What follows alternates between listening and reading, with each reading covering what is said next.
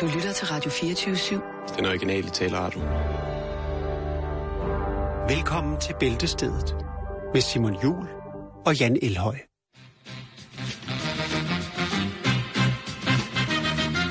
Τόση αγάπη ξεχνάς Ρωτώ τους φίλους μου τι να συμβαίνει Κανείς τους να μου πει δεν ξέρει Και έτσι μόνος περιμένω στη γωνία κάθε βράδυ στο σκοτάδι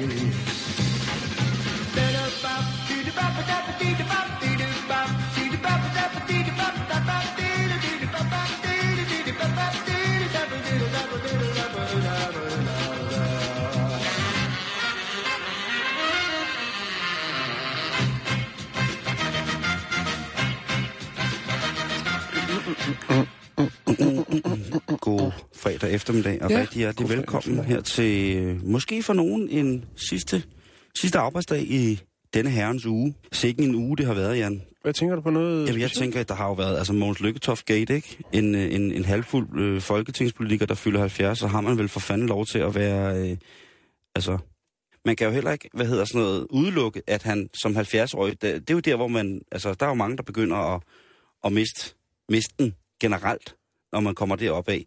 Jeg tror det ikke. Men jeg, jeg ved ikke, jeg kan slet ikke tage stilling til den der...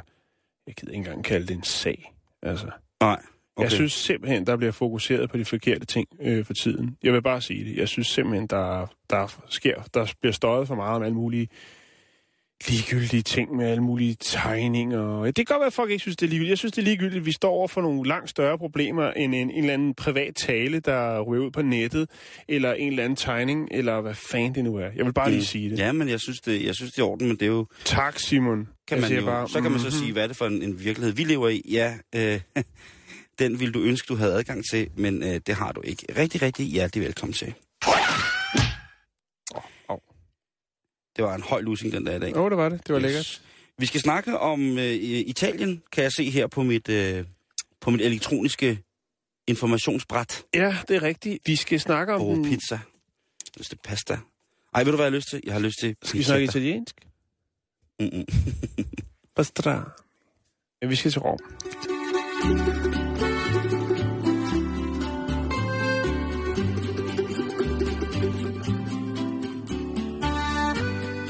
Den italienske højesteret har besluttet, at øh, 100 euro, altså godt og vel 750 kroner, ikke kan blive anset for at være øh, bestikkelse. Hvis du bliver stoppet af politiet, og du øh, langer en 100 euro ud, så er det ikke bestikkelse. Øh, det har man konkluderet Så er det bare en gave, og hvad? frem til, øh, ja, det vender vi lige tilbage til. Okay. Efter en beruset mand, en beruset bilist, forsøgte at øh, undgå anholdelse for at køre øh, påvirket. Øh, øh, det, kan også, det er måske mig, der er forudindtaget. Ja. Men bestikkelse og Italien, det er jo altså mm. noget, der i mine ører hænger helt vildt mm. godt sammen.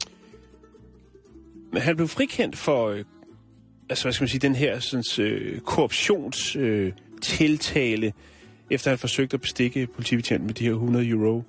Øh, han blev kørt ind til siden, efter der var mistanke om, øh, at han var påvirket Mm-hmm. af alkohol. Ja. Øhm, og de siger, øhm, højesteret siger simpelthen, at øh, jamen 100 euro kan ikke betegnes som værende øh, nok.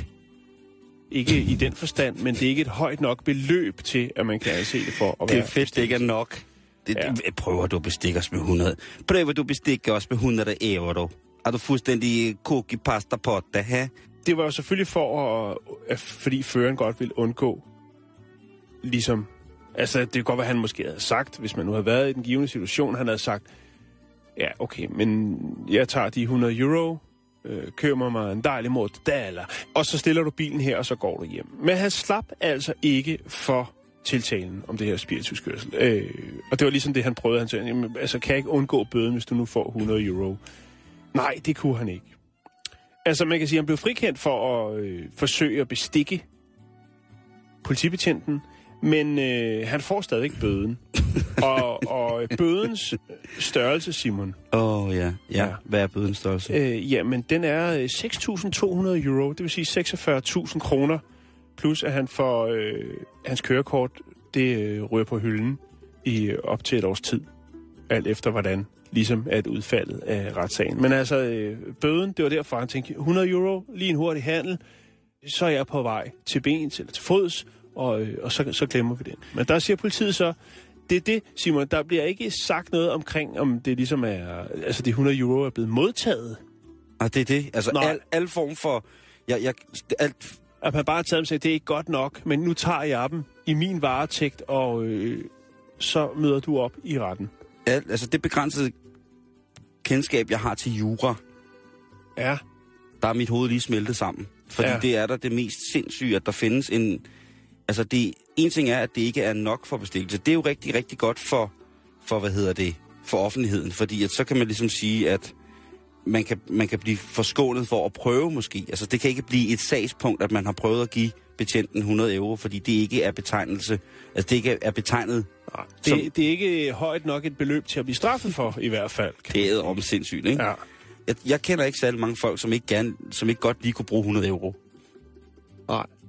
Og hvis betjentene tager den der med, ikke? Altså, hold kæft, hvor er det Jeg tror, ikke, det er mod, jeg tror ikke, at den betjent har modtaget den, men jeg synes bare stadigvæk, det er en lidt... Det er sjov historie også, fordi vi jo på en eller anden måde har, og der er jo sikkert også øh, hold i noget af det, vi har vi nogle, øh, nogle forudtaget meninger om, hvordan at øh, økonomien den øh, formidles I Italien. i Italien. Ja. Det tror jeg ikke er en forudtaget holdning, Jan. Det tror jeg faktisk i virkeligheden er meget, meget reelt. Det at, tror jeg også. At den der men li- liste, som Danmark er på med mindst korrupte lande, hvor vi- åbenbart er nummer et, øh, nok mest fordi vi i virkeligheden bare er bedst i, til, at, til at gemme. Vi er teknisk nok velfunderet, intellektuelt velspillet i en, øh, i en grad, så vi kan gemme de her korruptionsting. Jeg er 100% sikker på, at der findes masser altså, af... Det skal man jo som paranoid venstrefløjsmand synes, at der er masser af bestikkelse i, i danske foretagender. Men Italien, ja, de har jo haft det her lille koncept, der hedder ma- mafiaen. Ja, mafiaen. Mafiaen, og de har da i hvert fald været gode for både det ene og det andet. Og så tror jeg, så har de jo også i lang tid haft en, en galionsfigur i den meget, meget lidelige mand, øh, Silvio Berlusconi. Ja. Meget, meget øh, et, et, et unikum af et menneske. Fan ved jeg ikke om jeg er, men altså alligevel et eller andet sted et så modbydeligt eksempel på, hvordan man kan udvikle sig som homo sapiens, det er altså, det er sgu lidt beundringsværdigt, Jan. Mm, jo, bestemt. Også på trods af. Men, øh, men hvis man skal på, øh, på vinterferie til Italien, så husk, at øh, 100 euro, det er altså ikke bestikkelse. Nej, så man kan altid forsøge. Det kan jo være, at man øh, finder en af de brødne kar, når man bliver hævet ind til siden for at køre for stærkt. Eller noget. Jeg har jo fået en, øh, en øh, fartbøde jo, her for nylig, som jo var, havde to år på banen. Den er først nået frem til min adresse nu.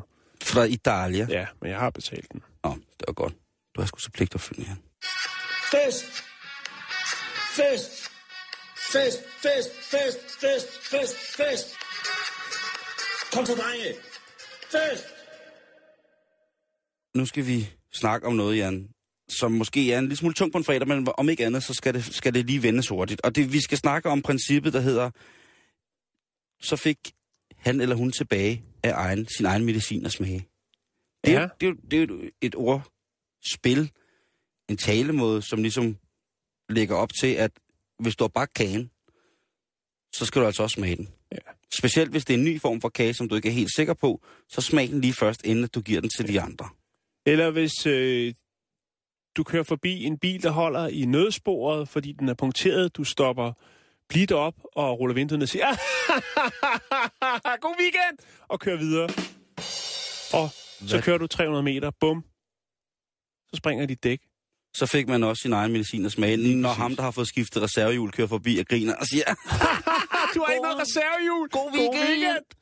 Ja, og, og det er jo... karma kan man også Ja, det. det kan man jo også godt gå. Men det er det ikke det, det handler om. Nej. Det handler om at smage Men- sin men- egen medicin. Det kan faktisk godt være, at det handler lidt om karma. Okay. Det Jeg skal jeg ikke, det skal jeg kunne høre. sige. Fordi det er sådan, at, at der er et, et medicinalfirma, som jo skulle lancere et nyt produkt.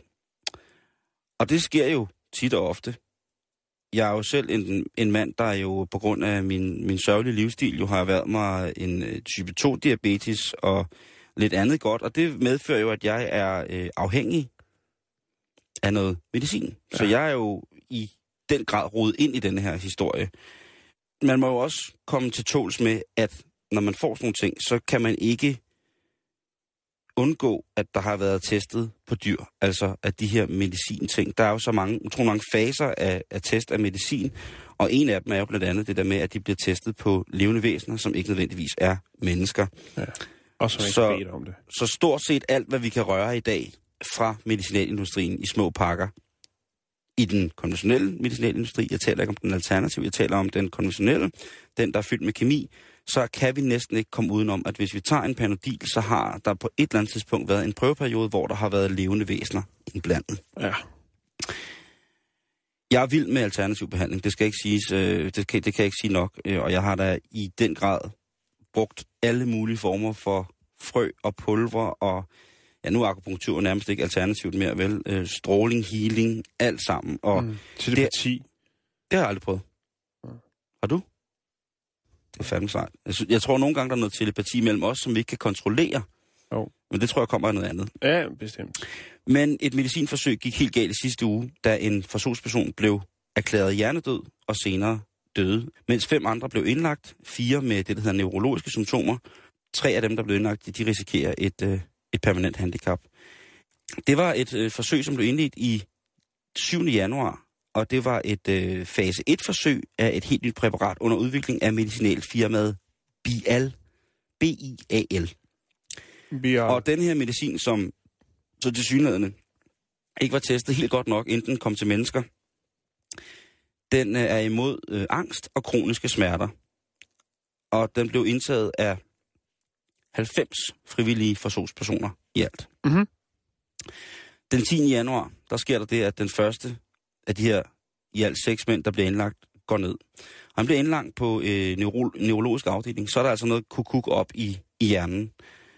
Han bliver indlagt på et hospital i Rennes med noget, der minder om et slagtilfælde. Og senere så blev den værste af de her, øh, den der var værst ramt af de her folk, der ryger ind, han bliver altså erklæret for hjernedød. Det vil altså sige, det her, hvor familien står over for, for en, en mulighed, der hedder, skal vi slukke den her Mm. respirator, eller skal vi lade ham køre videre, øh, som øh, værende ikke til stede på den måde.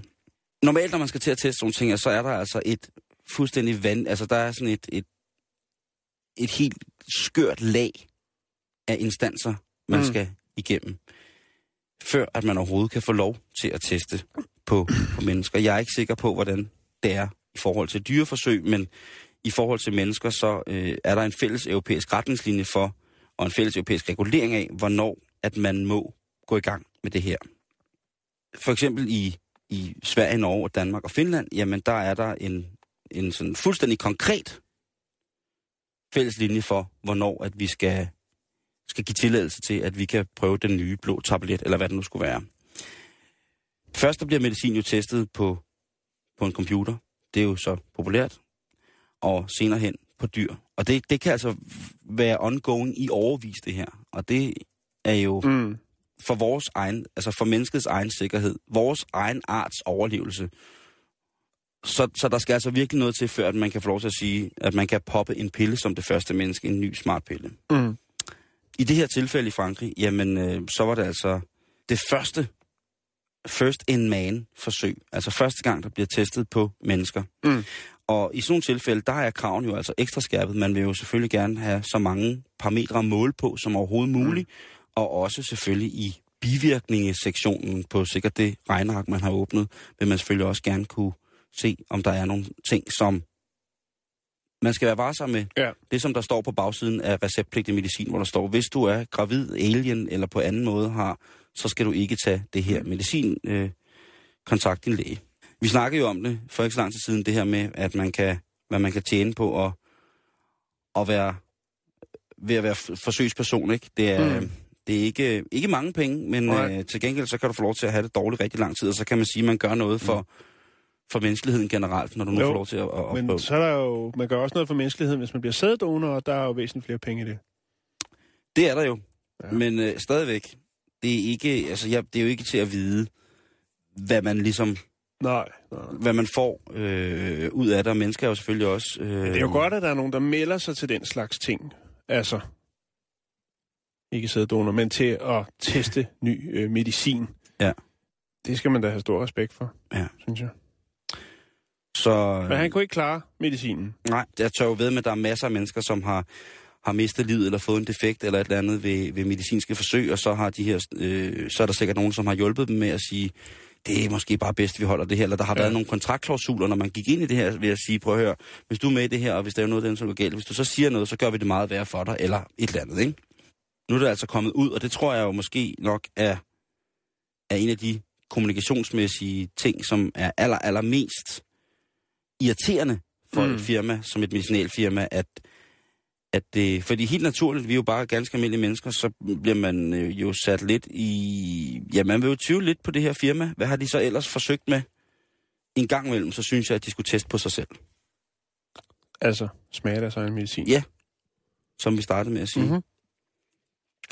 Det tror jeg også, de gør med visse produkter. Må ikke der er nogen på det firma, som på et eller andet tidspunkt har haft både angst og alt muligt andet, som hvor man kunne sige, okay... Præstationsangst? Ja. Eller præsentationsangst? Skyggerelateret præsentationsangst. Hvis der er nogen, der har haft... Altså, det må der være nogen, der har haft på det firma, i det firma, som siger, jamen, så må vi lige prøve på det selv, inden at vi begynder at, at, at smide... Altså, jo. hvis kokken ikke selv smager på maden, ikke? Det er jo oplagt til en julefrokost, jo. Lave en buffet med nye produkter. Blot en tanke. Jeg tager den bare, hvis I kan bruge den. Hvis du er god til en ting, så vil du også øh, gerne konkurrere i det. Da jeg kører konkurrence, så bider jeg kun pølsen over en gang. Det var jo næsten hele pølsen, der kom ud igen jo. Så skal vi snakke om en mand, der hedder Walter Kavanagh. Walter Kavanagh? Ja, og øh, han er en holden mand. I hvert fald, hvis øh, det kommer til kredit. Okay. Fordi han har øh, 1497 gyldige kreditkort. Hvor mange? 1497 gyldige kreditkort. Og altså en kredit på wow. 11,6 millioner danske kroner. Det er en verdensrekord, Simon. Lige der. Det, han må det er da, ikke den eneste verdensrekord, han har. Fordi at øh, så mange kreditkort kalder... Øh, det kræver også en ordentlig tegnbog. Mm-hmm. Så øh, Walter han har fået lavet en speciel tegnebog, som øh, er godt og vel 76 cm, når den er foldet ud, og øh, den vejer 17 kilo, når den er fuldt pakket. Men han, han har 17 kilo kreditkort? Ja, der kan være 800 kort i, men han har ikke alle kort i sin punkt. De fleste af hans kort, de er i, i en banks, øh, i hans banks øh, deponeringsboks. Fordi han skal ikke bruge øh, så meget øh, kredit. Jeg tror heller ikke, at han til dag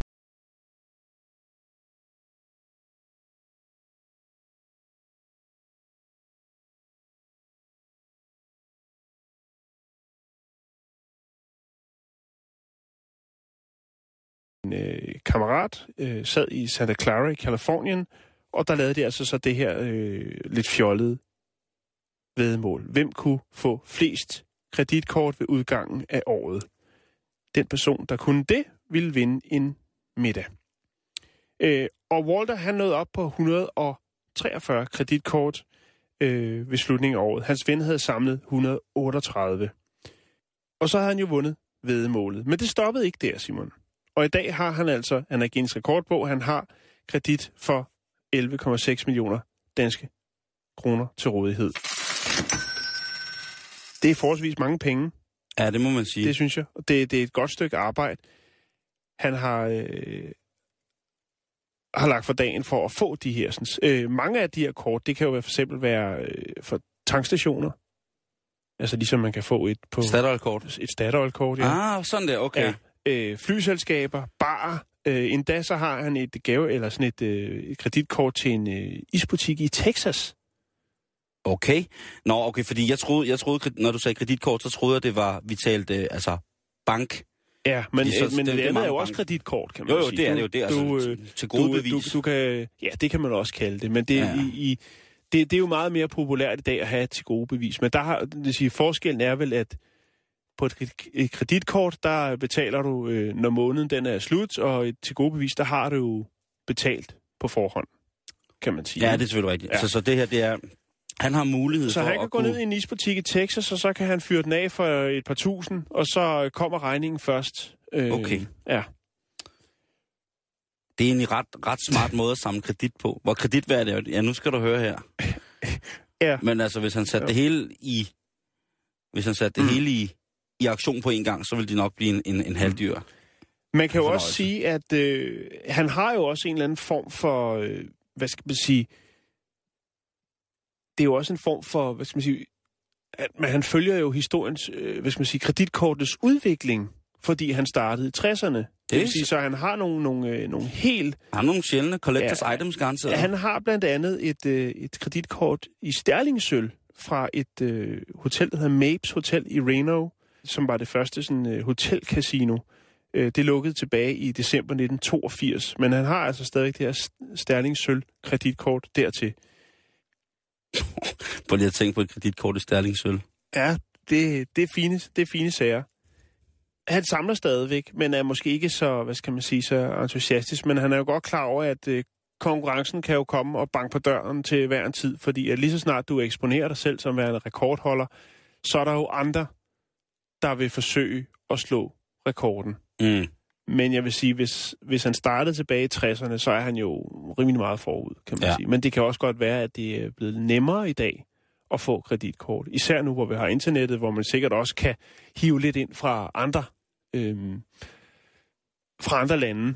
Altså fra varmere himmelstrøg for eksempel. Ikke? Det kan godt være, at du kan få en, øh, et godt gyros-kort til en eller anden øh, bar nede øh, I Grækenland. i Grækenland, eller... På Santorini. Ja, noget, i, ja, noget af den dur, ikke?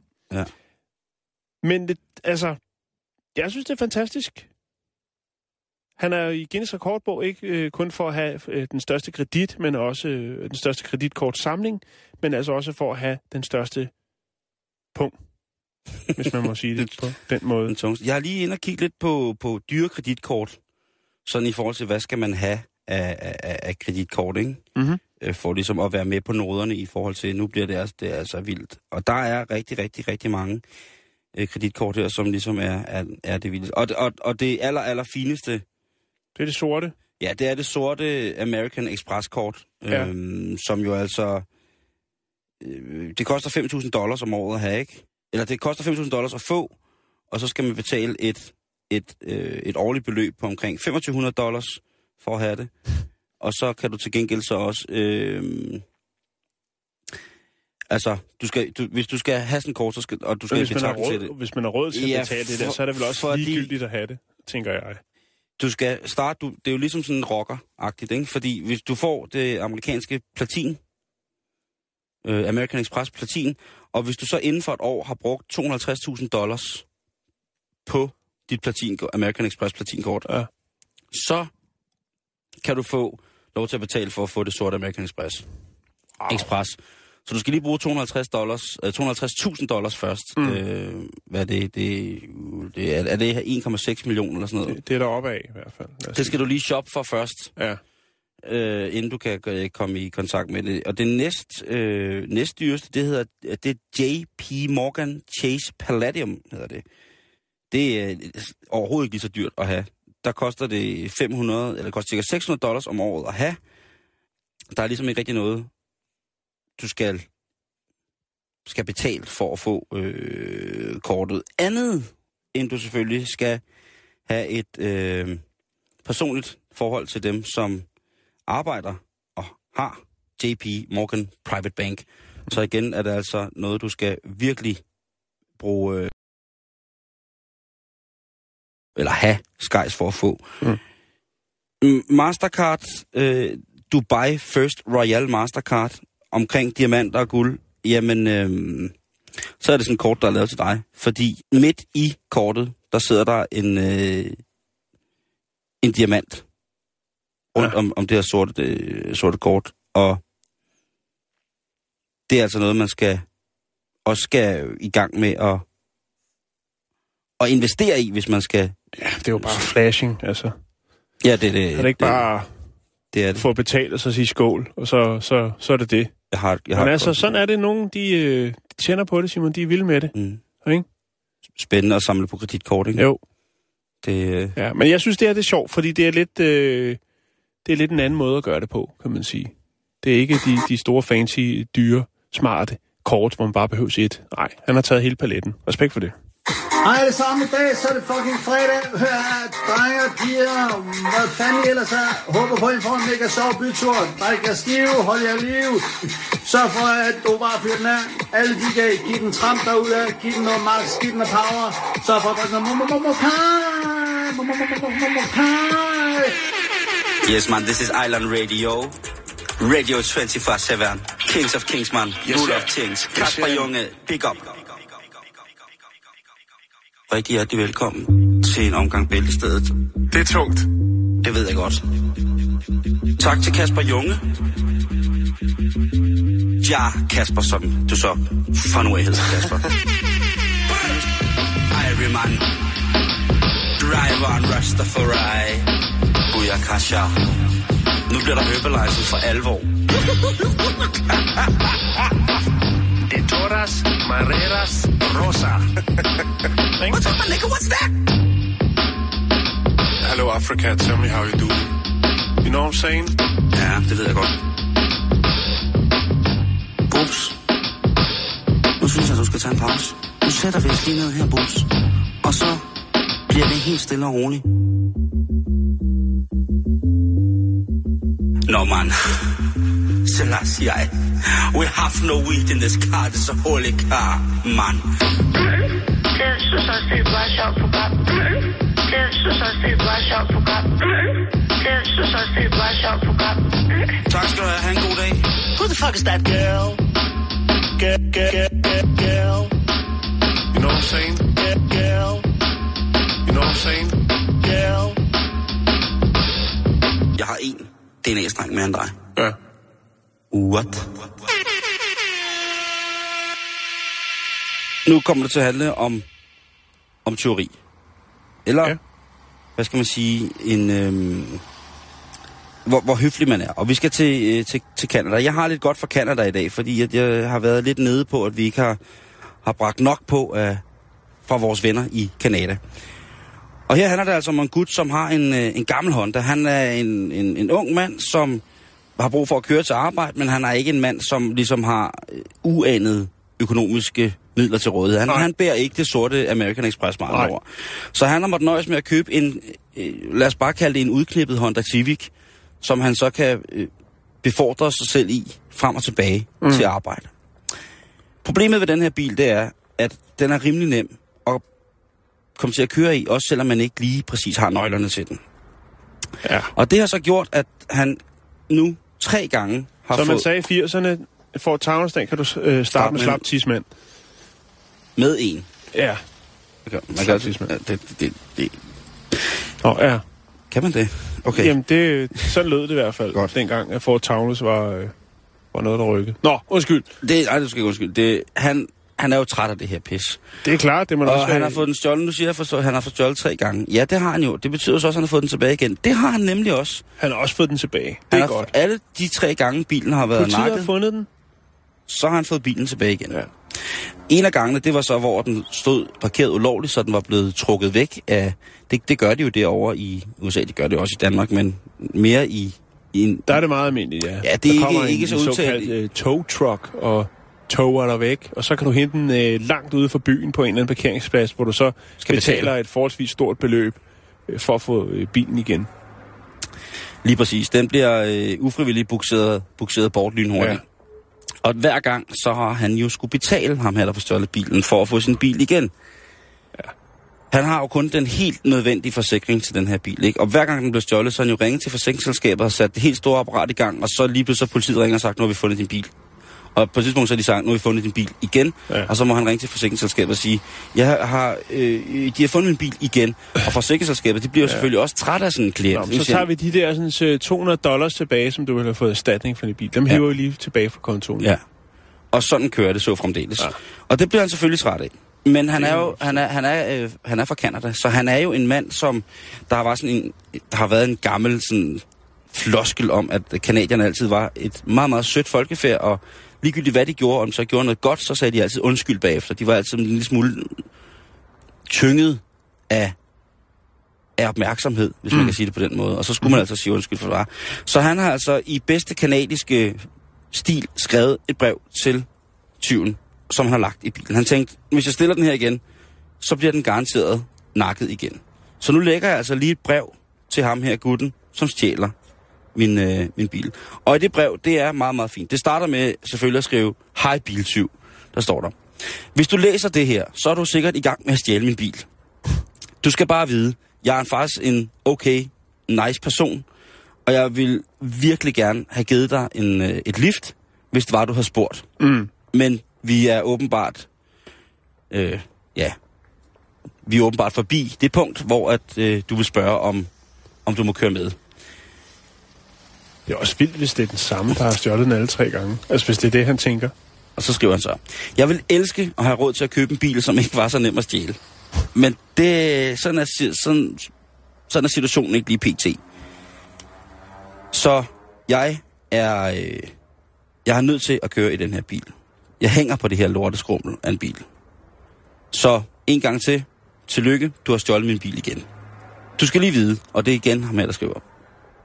Du får ikke nogen problemer med mig, når du stjæler den her bil. Og det gør du ikke, så længe, at du ikke slår nogen ihjel, gør skade på dig selv eller andre. Og så er du ikke sød og efterlade bilen et sted, hvor jeg ikke får parkeringsbøder, eller hvor at min bil bliver bukseret væk, fordi den holder ulovligt. Mm. Det er pisse dyrt at gøre. Så en lille... Jeg vil bare bede om en tjeneste, når du nakker min bil. Kan du ikke parkere den tæt på, hvor jeg bor, så jeg selv kan finde den? Eller eventuelt foran, hvor jeg bor, så jeg ikke har så langt ud at finde den. Mm. Jeg er træt af at fortælle, at jeg kommer for sent på arbejde, fordi jeg igen har fået stjålet min bil. Ja. Jeg bliver sindssyg af det. og, og det er altså, det, du kan se, det er, altså, det er et rigtig langt, jeg vil gerne lægge brevet, jeg lægger brevet op, det er sådan et, et langt brev, han har skrevet til, ja. Til bilsyven. Og det lægger han så i bilen. Og må ikke, at bilen bliver stjålet igen. I brevet der står der også, jeg er virkelig træt af, at jeg skulle betale kaution for min bil på de her parkeringspladser, hvor at den er blevet kørt hen, og efter den er blevet bukseret for at holde ulovligt. Nu må du snart tage dig sammen. så han skriver, til allersidst i brevet, så skriver han, det vil være en win-win situation for dig, hvis du, når du stjæler en bil, stiller den på plads igen. Ja. Og øh, så skriver han til aller, allersidst, tusind tak, nyd min bil. Ja, som jeg sagde før, så blev bilen selvfølgelig stjålet en gang til.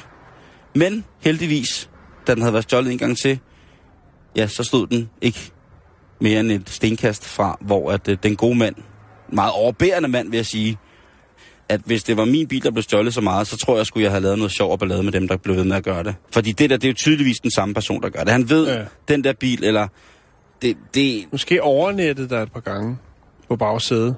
måske har han haft øh, oplevelser med Ja. nogle hjemløse mænd på den bekostning af, at han havde en gratis bil. Ikke? Det er ikke til at vide, men jeg synes stadigvæk, at det er overskud i den grad. Altså, det er et overskud af dimensioner at lige smide en øh, note til vedkommende mm. om... Og der var ikke nogen svarnote. Det synes jeg er lidt uforskammet. Jamen, svarnoten var jo, at den blev stjålet fire gange, så stod den jo øh, ikke langt fra, Ja, det kan fra hjemmet, da den kom hjem. Så sige. der Ja, var ja. ligesom en, okay, jeg, kan, jeg føler dig, altså Ja. den, den, den klamme nazist-bilsyv, øh, han, øh, han var ligesom sådan, øh, okay, jeg, jeg, jeg forstår det, jeg forstår det, jeg forstår det. Jeg føler det, jeg føler det, jeg Der var skriver. lidt øh, empati. Jo, jo, men altså alle Men biltyv, stadigvæk. alle biltyv er jo pædofile, det ved man jo. Så han, så han var ligesom sådan, og, og ligesom, jo, men ligesom alle cykeltyve er pædofile, ikke? Så er det også bare sådan, åh, øh, jeg kan ikke, jeg kan ikke, jeg, jeg, i mit, i mit klamme biltyvshjerte, klamme pædofile biltyvshjerte, ah, jeg mærker brevet, jeg mærker brevet. Utroligt, han kunne læse, ikke? Øh, og der, jeg stiller den tilbage igen. Jeg gør, som han beder om. Og det synes jeg, der må man alligevel sige, at, øh, at, at selvom han... Øh, Der må man anerkende. At ja, der må man anerkende. Øh, der må man anerkende, at det ligesom er, er, er, er sivet ind på en, på en, på en fin måde. Mm-hmm. Så husk det, hvis din bil bliver stjålet meget, man kan komme utrolig langt med kommunikation.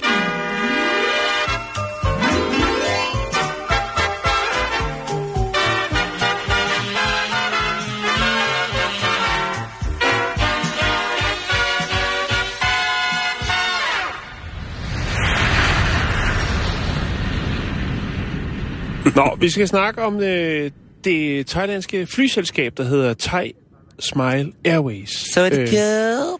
Og øh, de, er, de har et nyt tiltag, og det er simpelthen, at øh, man nu kan få øh, sin dukke med ombord på flyet, øh, hvis man blot øh, ja, betaler for en ekstra plads. Sin dukke. dukken. Kan man ikke Ja. altid få en dukke med på flyet?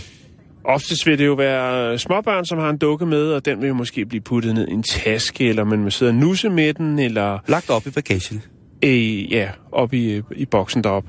Ja. Øhm, men der er altså åbenbart et behov for, at nogle mennesker kan få deres øh, dukke med på lang fart, og den har brug for en rigtig fysisk plads. De skal bare blot betale for dem. Dukkerne er kendt som Look Tip eller Child Angels, og oh, de er øh, forholdsvis ja, ja. populære i Thailand, øh, efter at flere øh, thai øh, celebrities har øh, ligesom prist fordelene ved de her dukker. De sælges for hundredvis af dollars, øh, og de menes at øh, besidde ånder, øh, barnets engel. Øh, altså, de, de, de, de, kan, de kan et eller andet. Det de, er- de, de gør noget godt. Øh, det er vel en, en form for lykkeamulet. Det er, at det er en fysisk gørelse. Det er, en, en lille, det er et lille religiøst relikvie i forhold til netop øh, gammel naturreligion om, at øh, barnet, nu har jeg lige fundet det, barnet er øh, uskylds, altså barnet er uskyldigt. Mm. Det er rent, det er repræsentativt for en begyndelse på, på livet, på det nye, på det, ja. Og det er jo ligesom noget, som så skulle bringe, bringe held til, Og, og når man så har øh, betalt for den her sådan, øh, ekstra billet øh, til sin dukke, jamen så får den selvfølgelig også, hvad den skal bruge af snacks og drikkevarer øh, under rejsen. mm-hmm. Ja, og det mangler jo bare, kan man sige, når man betaler for, for en ekstra, et ekstra sædeplads. Jo, jo, jo. Så skal men- den også have ja. for, fornødenhederne, ikke? Jo. Den skal også kunne se film. Hvis man har dukken med øh, uden billet, jamen så ryger den bare op øh, til håndbagagen, op over, øh, det op over sædepladserne. Øhm, men det er åbenbart noget, som, som rykker ret godt. Der er i hvert fald også en restaurant, som hedder Neta Grill, øh, som på deres Facebook-side har annonceret med, at her kan man altså også godt øh, få sin, øh, sin øh, look tip med på restaurant, og ja, der er lavet specielle der, der er børnemenuer, hvor også altså, look tip kan komme lykkeamuletten kan komme og nyde godt af den grillede buffet. Udover det, så den buffet, de havde, det var meget grillet fisk, Mm. ind på deres Facebook-side og tjek, det så mega lækkert ud. jeg, du sagde bare grillet fisk, så blev jeg Ja, helt det var også skalddyr. Hold da op. Nå, men det, det, det skal vi ikke lige uh, tænke på nu. Men altså, det, så, så der, er- det kan selvfølgelig også bare være for ligesom at, at skabe lidt, uh, lidt fokus på deres uh, fine, lækre restaurant. Men det er åbenbart noget, der rører sig på dernede, og det er noget, der bliver taget seriøst, Simon. Men Jo, altså, man, man har- hvis man betaler for det, kan man jo få lov til temmelig mange ting. Jeg har fundet nogle billeder af de her dukker, hvor, så man kan se, se dem. Og øh, ja, der er blandt andet en her. Hun er så hun har mange dukker. Øhm, så hun må være rigtig, rigtig heldig. Øh, og hun har også en dukke med, med sideskilling og øh, solbriller og en øh, cowboyskjort. De er jo lidt uhyggelige, de dukker, fordi de, de, nogle af dem ser ret livagtige ud, Ja, det gør de. må man sige. Jo. Altså, det ligner jo, øh, det ligner jo forholdsvis øh, rigtig øh, etårige børn, ikke? Jo, altså hvis man, hvis man ikke vidste og man bare sådan lige hurtigt, så selvfølgelig vil man nok, når man kommer tæt på, men ja, det er, det er lidt, lidt uhyggeligt. Men den gamle tradition er jo, at man jo så havde, altså øh, Luke Depp, øh, eller Depp, det var jo de her, hvis man har set sådan nogle børn løbe rundt med sådan en lille dukke, som var lavet af træ. Mhm. Altså sådan en, en dukke lavet, ligesom vi har en halmbuk herhjemme op til jul. En tubilak. Ja, lige præcis.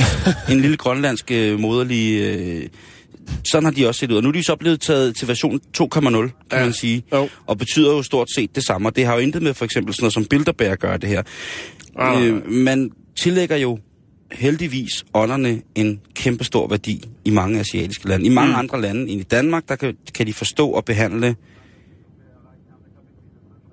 det uhåndgribelige på en fin og respektfuld måde, synes jeg. Det, der så sker her, det er jo, at de har gjort det til noget, som er blevet en lille smule mere uhyggeligt, end hvad godt er, synes jeg. Mest fordi det ligner så meget, ikke dukkerne? Og så er de jo også dyre. Jo, jo, jo. Og man stiller jo tit i... Man har jo tit sådan nogle hustempler, eller det har alle faktisk, i, for eksempel i Thailand. Nu var det bare lige fordi, du sagde Thai Airways. Eller Thai Smile, som det hedder nu.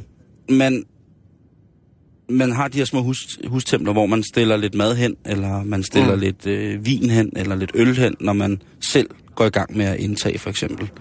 således at de ikke føler sig tilsidesat, og det er jo som regel de ånder, som der... Det kan være afdøde slægtningers ånder, som våger over en. Det kan være generelle opfattelser af, hvad åndevæsenet i en trosretning, for eksempel buddhismen, kunne være, mm. og man skal til gode se osv. Men øh, jeg synes, det er godt, at hvis de føler sig trygge ved det, og så er det selvfølgelig også godt set af en forretningsmand et eller andet sted at sige, måske hvis jeg laver en 2,0 af det her, så bliver det et helt stort hit. Ja, det kan også godt være, at det er sådan, det rent faktisk hænger sammen.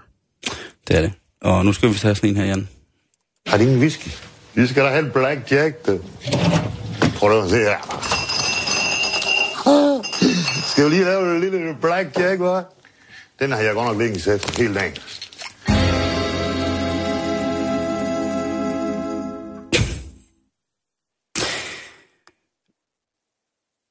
Nu er det jo ikke fordi, at jeg vil lægge mere i vores turban, end der allerede ligger. Men her i programmet, der kommer vi jo med det ene geniale bud på en super forretning efter det andet, mm-hmm. hvis jeg skal sige det selv. Mm-hmm. Og på den her fredag, der skal I selvfølgelig også have en dejlig idé med på weekend. Og den her, kære lytter, den ved jeg, I kommer til at mærke. Vi skal have blandet den kirkelige handling sammen med afklædt dans og drinks. Vi skal til Ontario i Canada, hvor at der er en gut, som har gang i det helt rigtige.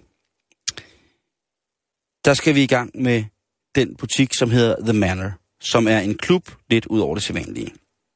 Faktisk så vil jeg gå så langt som til at sige, at det er et smukt projekt.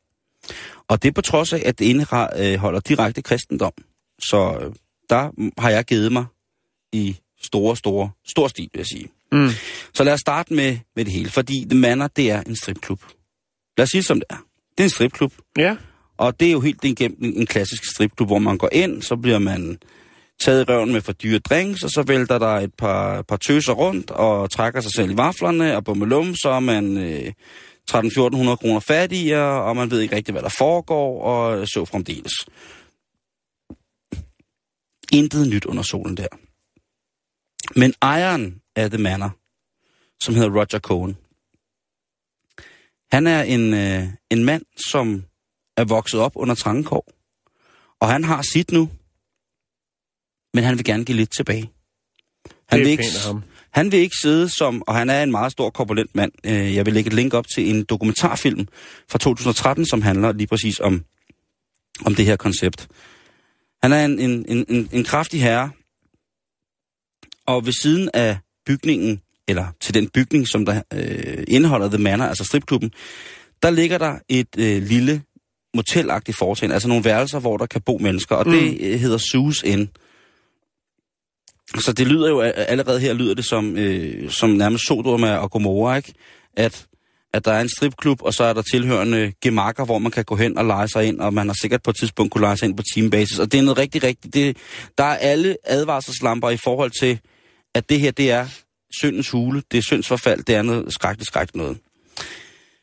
Men de her lokaler, hvor man kan få lov til at sove i, dem har Roger tænkt, prøv at høre, det skal altså til gode. Det skal komme nogen til gode, som har mindre. Så der har han altså haft øh, hjemløse boende, og folk, der ikke har haft råd til at bo nogen steder, og der har han altså sørget for, at de har haft det godt der. Mm. Så der har, altså på den ene side så har ligget en stripperklub, og på den anden måde, og på den anden side af gangen, så har der været øh, et fysisk gørelse af den barmhjertige samaritaners øh, aflukke, mm. om man så må sige. Og den her lille klub i den lille by, der hedder Gelp i øh, Ontario, jamen, den har så også et, jeg vil sige, jeg vil kalde det et plus, hvis man skal endelig skal sige noget positivt om det. Ja. Fordi om søndagen, så bliver stripklubben stillet til rådighed som værende kirkelokaler. Okay. En Der er- dobbeltfunktion. Yes. Lidt upassende måske, Præcis. vil nogen mene, men øh, Præcis. På er alle, fint. øh, alle skærmene er der så øh, salmevers i stedet for. Der kører salmekaraoke i stedet for, hvad der nu ellers har kørt. Mhm. Og der er altså øh, virkelig, virkelig godt gang i den. Og hvem er det så, der ligesom gør det her? Fordi i virkeligheden så er Roger Cohen, han er, øh, finder man ud af, i- hvis man ser dokumentaren, han er faktisk øh, jødisk, sådan rent trosmæssigt. Men han har valgt at have en gut, som hedder Jack Nienaber, som præst i kirken. Han tilhører øh, et konfessionsløst samfund, det vil altså sige, at han er en, øh, en kirke, eller en, han er en præst, som ikke har et kirkeligt tilhørsforhold. Han, har ikke et, øh, han er almindelig kristen præst, men han har ikke noget tilhørsforhold til kirken. Og øh, Jack, han har en kone, som hedder Susan. Og de to, de havde været på de havde været en aften ude, så var de jo selvfølgelig endt på Titty Bar. Det gør man som et godt par. Og der havde han så, havde hun siddet og sagt, jamen, det kan godt være, at der er sjovt og hyggeligt her, men man kunne da også bruge det her til noget andet. Lækre lokaler. Lækre lokaler, dejlig venue, ikke? Så der har de så trillet hen og spurgt, kan vi få lov til at, at gøre det her, øh, her en gang imellem? Og så havde han sagt, Roger, det er, ved du hvad. Men alligevel, han er en mand med et godt hjerte. Det siger øh, Sus end jo om, altså når han bruger mm. tid på det. Så han sagt, selvfølgelig kan I det. Selvfølgelig kan jeg få lov til at være her. Og så blev der holdt en til en gudstjeneste, hvor der kom lidt. Men stille og roligt, så er der kommet flere og flere mennesker. Og tit og ofte dem, der kommer, det er altså folk, som har mindre. Så der er kort, på kirke, kort til kirke på de men, for de mennesker, der bor over på, på, den, anden, ende, på den anden side af gangen. Ikke? Mm-hmm. Så de får både... Altså, jeg tror, jeg tror altså, der, de får ikke noget strip om søndagen efter kirke, men de får i hvert fald øh, lov til at gå i kirke og ind og høre uh, Jack og hans kone, hun hedder ikke Susan, hun Sharon, fik lov, uh, de kommer ind og får lov til at høre dem tale deres version af sandheden. Og mm-hmm. det er der rigtig, rigtig mange, der er glade for. Jeg læste en artikel om, at den her kirke, den er rigtig god, fordi det er jo, det er jo meget sådan, hvis man tager i kirke, så skal man have jo sit Sunday best på. Det, og det er et, ud, et udtryk, som dækker over, at man tager pænt tøj på, når du skal i kirke. Bestemt. Og der er mange, som jo ikke har råd til at tage deres Sunday best på, eller føler sig utilpas. Der er jo selvfølgelig også modmobning i kirken, det er jo klart. Så den her kirke, der kan alle altså komme. Det er alt fra hjemløse til folk, der har øh, alt i verden. Mm. Så i den her lille bitte by har den faktisk fået lov til at skabe en lille bitte menighed, som betyder, at... Kom som du er. Lige præcis. Ja. Og det har øh, antallet af troende mennesker i Gelb, det har de virkelig taget imod med kysshånd. Det er sjovt, at, at man i, i et sted som kirken jo også kører det der med... Jo. Ja, hvad, men har det, du på? det, hvad, har, det har, hvad har du på nu, ikke? Der er dresscode. Men altså, jeg tænker bare, det der, det er da rigtig fint, at man... Øh, og, og det vel også, øh, hvis man vil have nogen øh, til at møde op øh, i Jesu navn, så øh, kan det da godt være, at man bliver nødt til nogle gange at, at lempe lidt på øh, de gængse regler og tænke lidt, øh, lidt kreativt for at få, øh, få folk ind. Ja, ikke sandt? Jo. Og der, og der Ligesom er... med spaghetti-gudstjenester, ikke? Oh, don't get me, du ved det også godt, ikke? Men altså, stripklub, herberg og kirke i et. Ej, altså, den, den bliver ikke bedre. Den bliver ikke finere. Jeg synes, det er fint. Jeg anerkender på stedet. Det gør jeg også.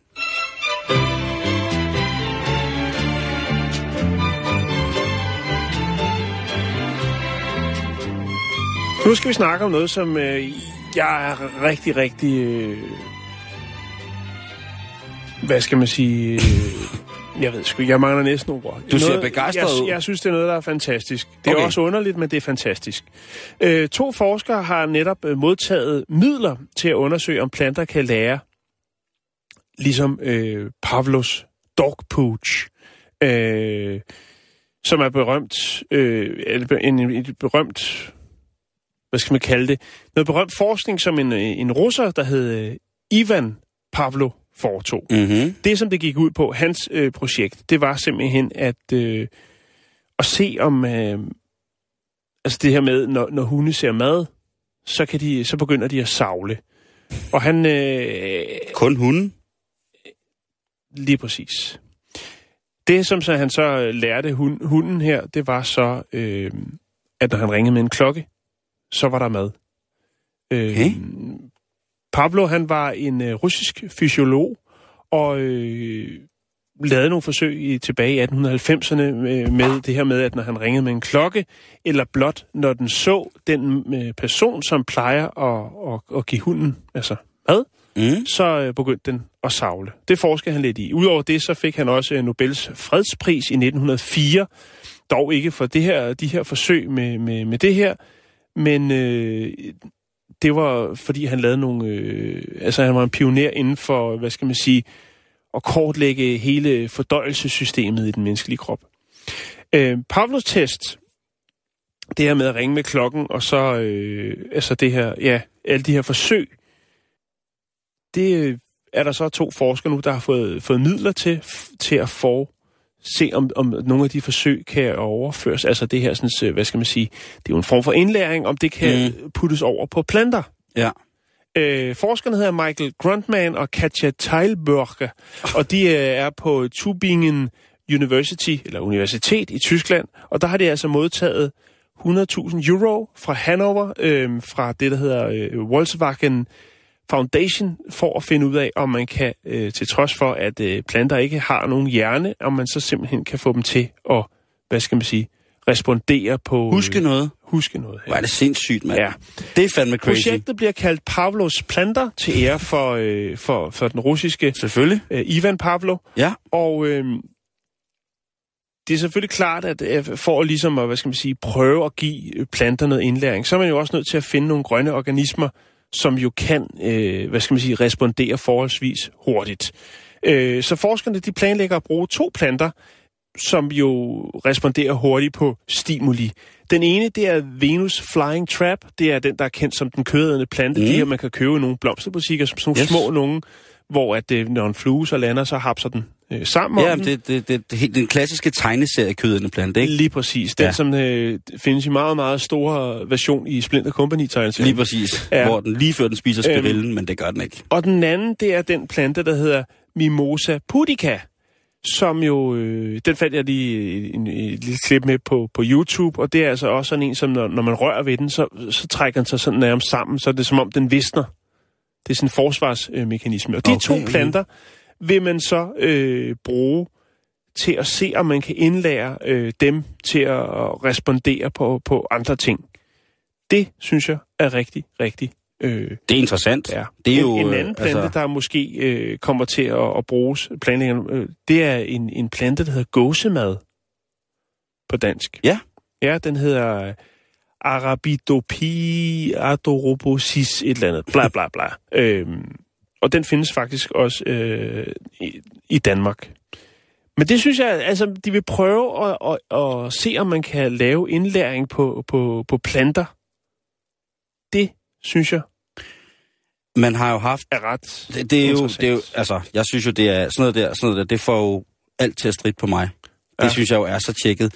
Der har jo været de her historier med, eller ikke historier, der er jo de her øh, ting med, med for eksempel, hvor vi begynder at bruge planter til at kommunikere med på en anden måde. For eksempel det her med, med projektet, hvor man mm. havde en afgrøde, som øh, kunne afsøge, hvor der var miner. Ja, det er rigtigt. Øhm, Det er rigtigt. og så på, på mange andre måder haft øh, ligesom, ja, øh, det her. Det, det, det er sindssygt spændende. Vi havde jo også en historie for ikke så lang tid siden med, hvad man ligesom kunne pode ind i blomster mm. af elektronik. Ja. Øh, hvordan man ligesom kunne ja, læse fra, nu kan jeg ikke huske, hvad det var for en, men det var, mm. det var nemlig også noget med, hvor man blander bio og almindelige øh, data sammen. Det er ret sindssygt. Så man vil sige, vi, altså, vi tror jo, at at planter er passive grønne organismer, men spørgsmålet er, om man rent faktisk kan øh, give dem, tilføre dem noget, noget indlæring. Øh, det, jeg, jeg synes, det er, det er rigtig, rigtig, rigtig interessant. Og selvfølgelig, hvis, hvis vi får mulighed for det, så vil vi selvfølgelig også se, om vi kan følge op på det, hvis hvis der lige pludselig sker et eller andet sjovt. Det, jeg kunne forestille mig, at der vil ender noget op på YouTube, øh, hvis de ligesom når frem til noget. Men det, det er spændende. Simon. Det er sindssygt spændende. Det er der noget at gå på weekend med, må jeg have lov til at sige. Ja, bestemt. Man kan jo øh, lave lidt forsøg derhjemme. med at sætte sin gamle Commodore 64 til en bregne. Jan, tak for den her uge. Jamen, øh, velbekomme. Og Vi til ses dig, næste. Vi ses på facebook.com, bæltestedet. Husk, der er opsummering i morgen på øh, ugens skalskab. Tak for... Øh, tak for det.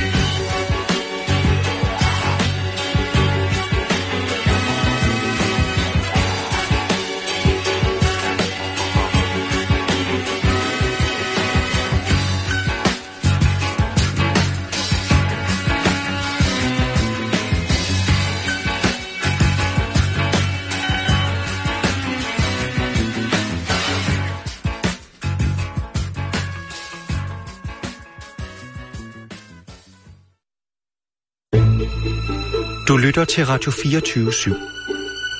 Om lidt er der nyheder.